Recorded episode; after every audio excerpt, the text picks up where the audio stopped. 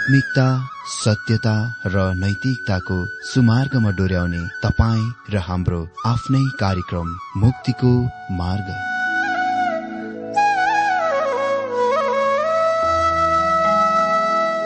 आदरणीय श्रोता यस मुक्तिको मार्ग कार्यक्रममा हार्दिक स्वागत छ।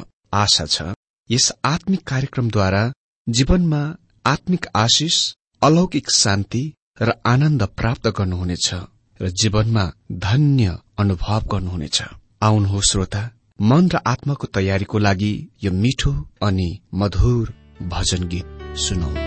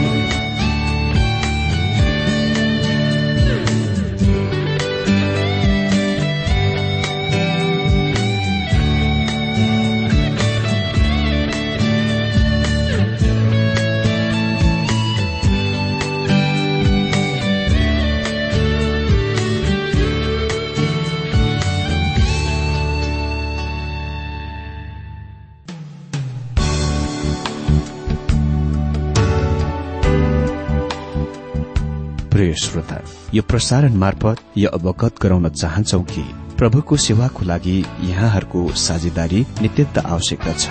यहाँहरूले प्रार्थनाको साथसाथै आर्थिक सहायता गर्न अनुरोध गर्दछौ। तपाईँहरूको सानो भन्दा सानो भेटी किन नहोस्? हामी प्रभुको नाममा स्वीकार गर्नेछौ।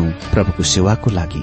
तपाईँहरूको यो सानो लगानीले कसैको जीवनमा भिन्नता ल्याउँछ अनि प्रभुको महिमा हुन्छ। प्रभु तपाईँहरूलाई महान गरी आशिष दिनुहुनेछ। इच्छुक श्रोताहरूले तपाईँको इच्छा भेटी हाम्रो ठेगानामा पठाउन सक्नुहुन्छ जुन ठेगाना हामी कार्यक्रमको अन्तमा दिनेछौं। प्रिय श्रोता मित्र प्रभु येशु ख्रिस्टको मधुर अनि सामर्थ्यनामा मेरो जयमसी तथा हार्दिक स्वागत छ। आजको यो बाइबल अध्ययन कार्यक्रममा। श्रोता हामीले पवित्र धर्मशास्त्र बाइबलको क्रमबद्ध र श्रृंखलाबद्ध अध्ययनको क्रममा यी दिनहरूमा पुरानो नियमको योनाको पुस्तकबाट अध्ययन गरिरहेका छौं।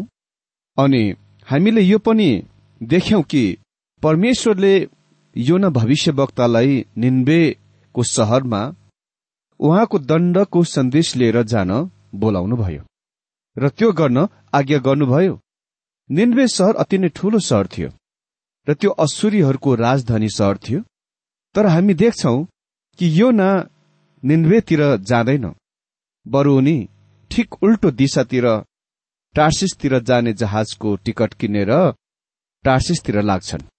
तर परमेश्वर चाहनुहुन्थ्यो कि योनालाई कसै गरी निन्वेमा पठाएर त्यहाँका बासिन्दाहरूलाई उहाँको सन्देश प्रचार गरेको।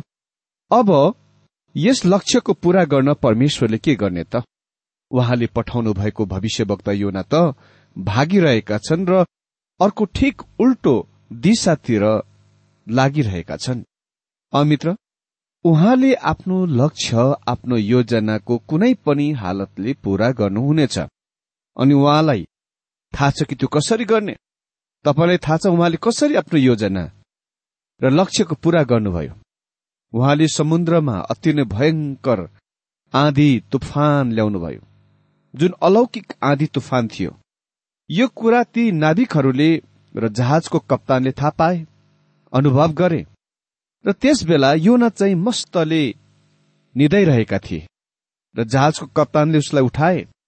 अनि ती नाविकहरू प्रतिमा पूजक भएकोले गर्दा तिनीहरूले आफ्नो अन्धविश्वास अनुसार यो कुरा तय गर्ने निर्क्योल गर्ने निर्णय गरे कि कसले गर्दा यो महाविपत्ति आइरहेको थियो। र तिनीहरूले यसको लागि चिट्ठा हाले। अनि चाखलाग्दो कुरा यो छ कि यो चिट्ठा योनाको नाममा पर्यो। यहाँ हामी देख्छौ कि आफ्नो योजनाको लक्ष्यको पूरा गर्न अन्धविश्वासको पनि परमेश्वरले प्रयोग गर्नुभयो। उहाँले आफ्नो महिमा गर्नलाई यो अन्धविश्वासलाई प्रयोग गर्नुभयो। हजुर ती नाविकहरू र जहाजको कप्तानले सक्दो कोसिस गरे जहाजलाई किनारातिर ल्याउन तर तिनीहरूले त्यो गर्न सकेनन्। र अन्तिममा योनाले आफ्नो दोषको स्वीकार गर्दछन् र आफैलाई समुद्रमा फ्याँक्नलाई भन्दछन्। र तिनीहरूले अरू कुनै विकल्प नपाएकोले गर्दा उसलाई अन्तिममा समुद्रमा फ्याँकिदिए। जुन क्षणमा तिनीहरूले उसलाई समुद्रमा फ्याँकिदिए समुद्रको आँधी तुफान आफसे आफ शान्त भयो। यसरी हामी देख्न सक्छौ कि यो आँधी तुफान असाधारण अलौकिक थियो र उहाँले त्यस बेला ठिक त्यहाँ अगाडि नै विराट माछा खटाउनु भएको थियो तयार गर्नुभएको थियो। र त्यहाँ माछाले उसलाई निल्यो र त्यस माछाले उसलाई निन्वेतिर फर्काउन गइरहेको छ। मित्र परमेश्वरले आफ्नो योजनाको पूरा गर्न आफ्नो लक्ष्यको पूरा गर्न तीन कुराहरूको प्रयोग गरेको देख्न सक्छौ।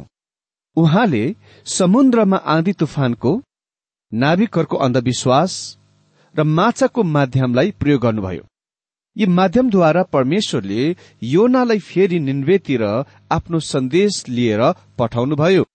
अनि दुई अध्यायमा हामीले देख्यौं जब उनी माछाको मुखमा परेथे उसले प्रार्थना गर्न सुरु गरे र उसको छुटकारा भयो। दुई अध्यायको दश पदमा म पढिदिन्छु।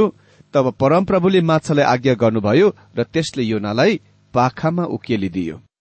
अनि यो न परमेश्वरको वचन अनुसार निन्वेमा उहाँको दण्डको सन्देश लिएर पुग्दछन् र उसले गर्दा त्यहाँ उसले परमेश्वरको दण्डको प्रचार गर्न शुरू गर्दछन्। तीन अध्ययको चार पदमा भनिएको छ पहिलो दिन योना शहरभित्र पसे। तिनले यसो भनेर घोषणा गरे अबको चालिस दिनमा निन्बे नष्ट हुनेछ। अनि हामी देख्छौ निन्बे वासीहरूले परमेश्वरमा विश्वास गरे। तिनीहरूले आफ्ना पापहरूको प्रस्ताव गरे र परमेश्वर कहाँ दिनता र नम्रताको साथ फर्किआए। आज हामी योना तीन अध्यय नौ र दश पदबाट बाइबल अध्ययन गर्नेछौ। यहाँ हामी देख्छौ कि निन्बे नष्ट गरिने छैन। एकपल्ट अघिल्लो दिनमा हेरेको वचन खण्डमा पढिदिन्छु। योना तीन अध्यय एकदेखि आठ पदमा यस प्रकार लेखिएको छ तब परम प्रभुको वचन दोस्रो पल्ट योना कहाँ आयो? त्यस ठूलो सहर निन्बेमा जा र म जे समाचार तँलाई दिन्छु त्यो त्यहाँ घोषणा गर। योनाले परम प्रभुको वचन पालन गरेर निन्बेमा गए। अब निन्बे एक अत्यन्तै प्रख्यात सहर थियो। त्यो हेर्नलाई तीन दिन लाग्दथ्यो पहिलो दिन योना सहरभित्र पसे। तिनले यसो भनेर घोषणा गरे अबको चालिस दिनमा निन्बे नष्ट हुनेछ। निन्बेका मानिसहरूले परमेश्वरमा विश्वास गरे। तिनीहरूले उपवासको घोषणा गरे र तिनीहरूका ठूला साना सबैले भाङ्रा लगाए।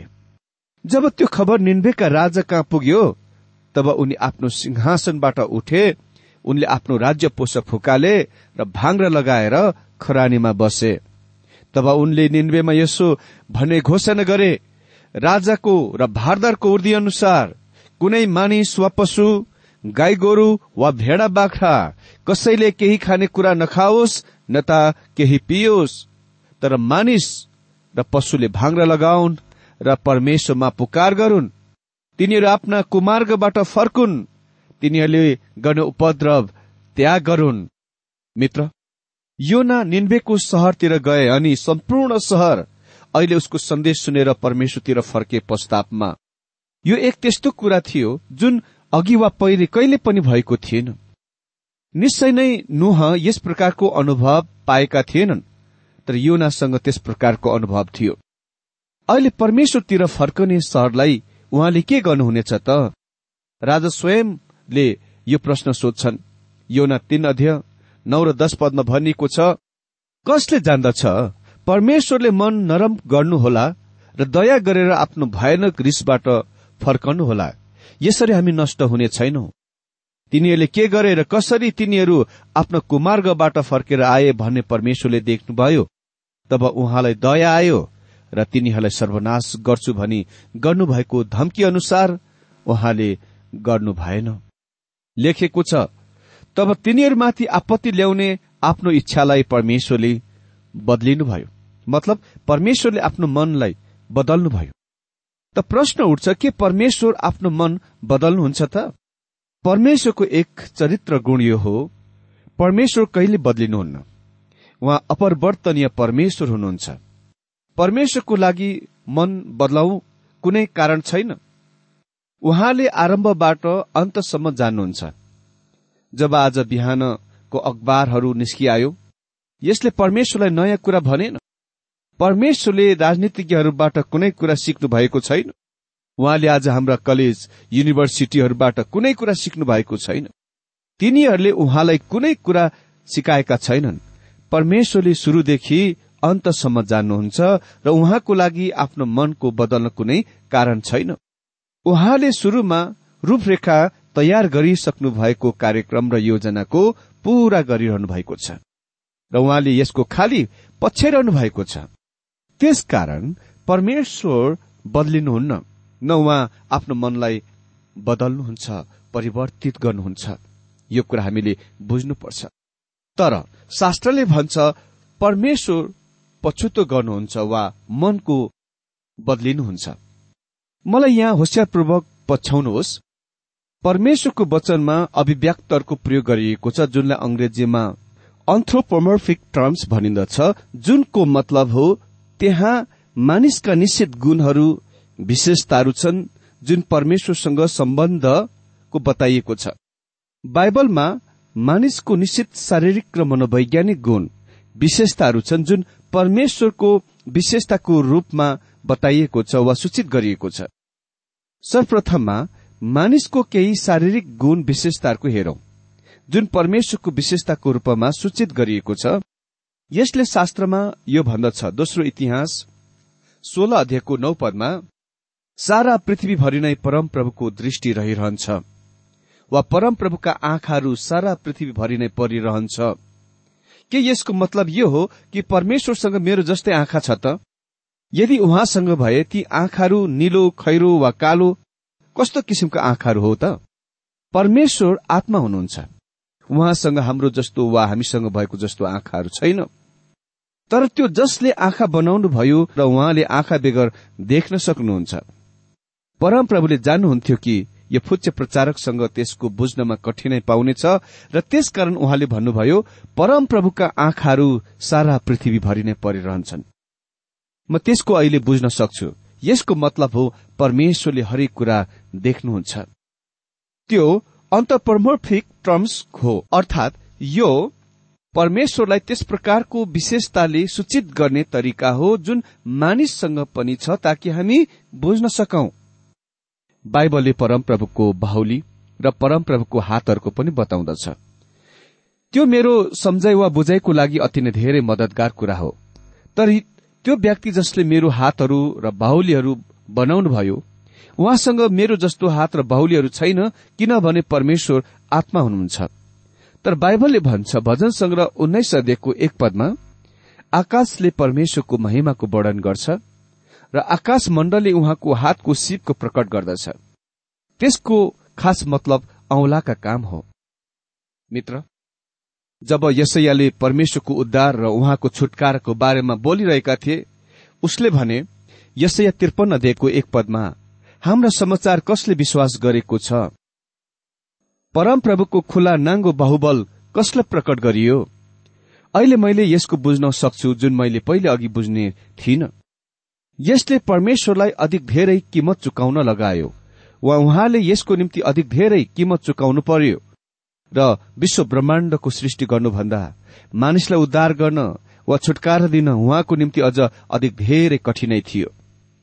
यी मानिसको शारीरिक गुण विशेषताहरूको हाम्रा बुझाइ सम्झाइको लागि परमेश्वरको गुण विशेषताको रूपमा वर्णन गराई सूचित गराएका नमूनाहरू हुन्।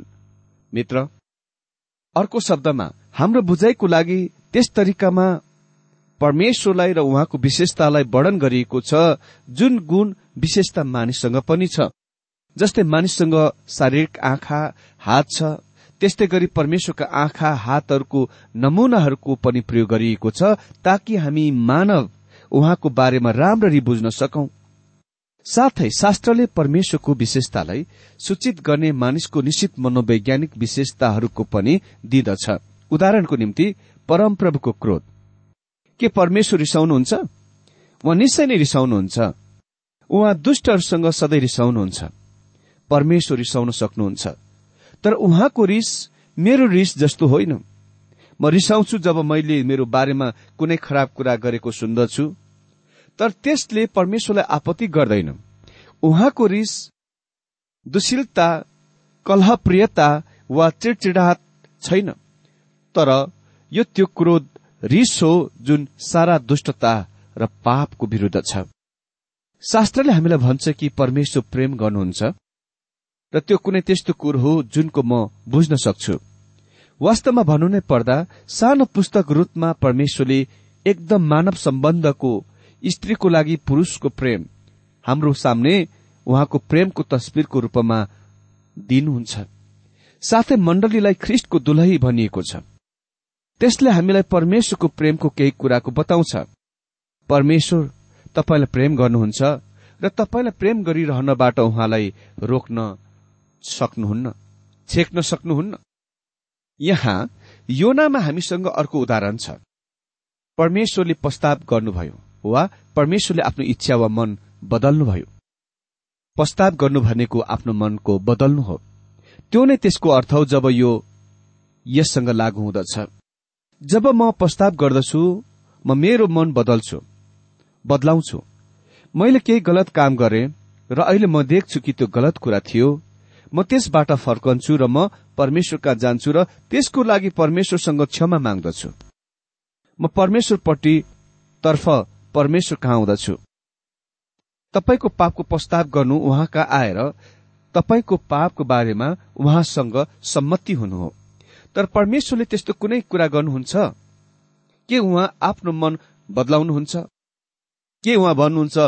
ओ मैले त्यहाँ भूल गलत काम गरे मैले निन्वेको नष्ट गर्नु हुँदैन। अह हामीले यो देख्न सक्छौ कि निन्वेको सहरसँग दुई विकल्पहरू थियो जब यो मानिस योना त्यस सहरमा परमेश्वरको दण्डको सन्देशसँग प्रवेश गरे तिनीहरूले परमेश्वरको सन्देशलाई इन्कार गर्न सक्थे तिनीहरूले त्यसको उपेक्षा व्यवस्था गर्न सक्थे अनि यदि तिनीहरूले त्यसको इन्कार गरे त्यसको उपेक्षा व्यवस्था गरे तिनीहरू नष्ट हुने थिए।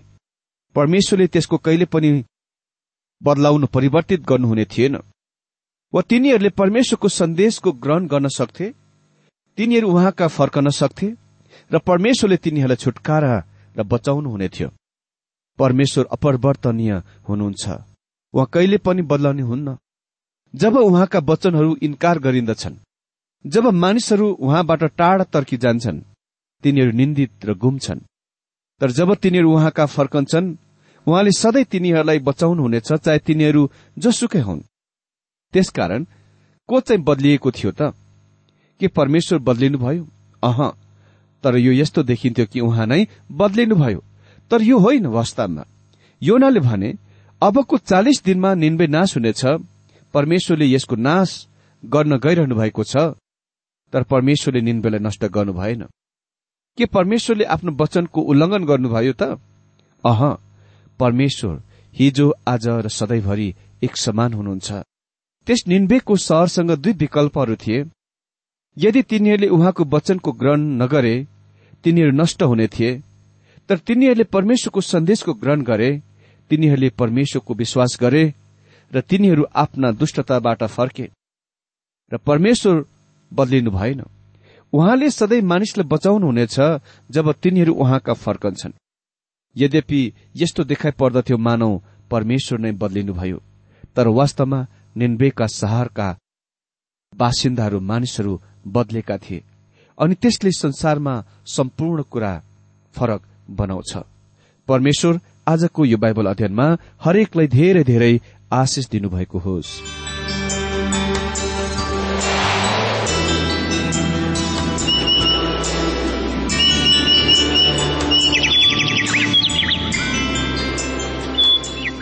श्रोता अहिले भर्खरै तपाईँले टीडब्ल्यूआर नेपालद्वारा संचालित आत्मिक कार्यक्रम मुक्तिको मार्ग सुनिरहनु भएको थियो। श्रोता आजको यो कार्यक्रम सुनेर तपाईँलाई कस्तो लाग्यो? यदि यो कार्यक्रम सुनेर मनमा कुनै खुल्दुली वा कुनै प्रतिक्रिया अर्थात सुझावहरू छन् भने हामीलाई पत्रद्वारा लेख्न सक्नुहुनेछ। हामी हृदयदेखि नै स्वागत गर्नेछौ स्वीकार गर्नेछौ साथै बाइबल सम्बन्धित प्रचारहरू कार्यक्रम सारणीहरू हामी अनुरोधमा पठाउन सक्छौ। अनि तपाईँसँग कुनै प्रार्थनाको विषय छन् भने हामीले तपाईँको लागि प्रार्थना गरेको चाहनुहुन्छ हुनुहुन्छ भने प्रभुमा आफ्नै परिवार सम्झेर हामीलाई पत्रमा लेख्न सक्नुहुनेछ। तपाईँको लागि हामी प्रभु येशुसँग प्रार्थना गर्नेछौ। अधिक जानकारी र पत्रचारको लागि हाम्रो ठेगाना यस प्रकार छ। कार्यक्रम मुक्तिको मार्ग जीपीओ नम्बर उनानब्बे पचहत्तर इपिसी पच्चिस एकसठी काठमाडौँ। ठेगाना एकपल्ट सुन्नुहोला कार्यक्रम मुक्तिको मार्ग जीपीओ नम्बर उनानब्बे पचहत्तर इपिसी पच्चिस एकसठी काठमाडौँ। हाम्रो इमेल एड्रेस हो TWR Nepal at Yahoo dot com साथै यस नम्बरमा एसएमएस गर्न सक्नुहुनेछ अन्ठानब्बे चार सत्तरी पैतिस छ सय उनासी नौ आठ चार सात जिरो तीन पाँच छ सात नौ। हुन्छ श्रोता आजलाई हामी बिदा चाहन्छौ। अर्को कार्यक्रममा हामी पुनः भेट्नेछौ तबसम्मलाई नमस्कार।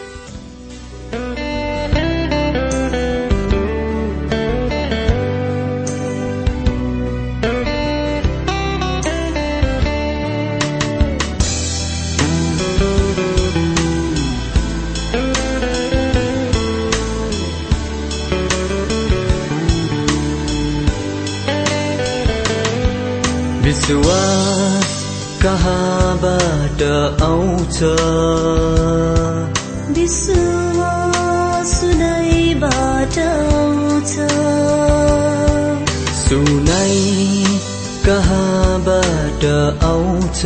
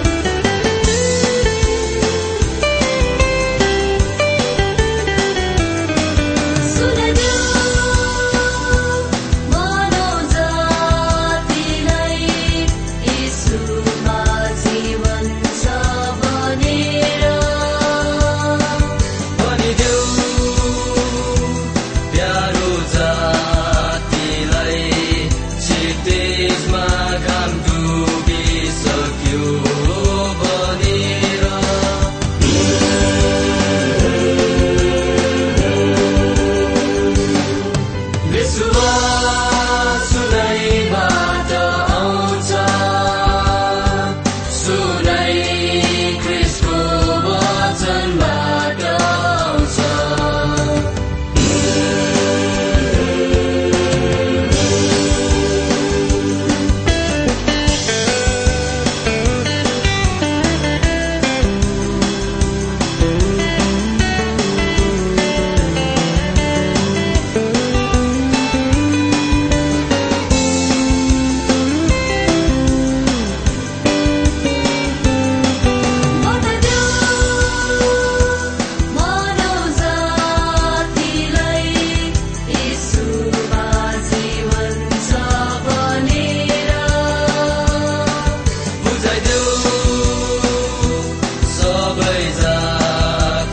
Bye.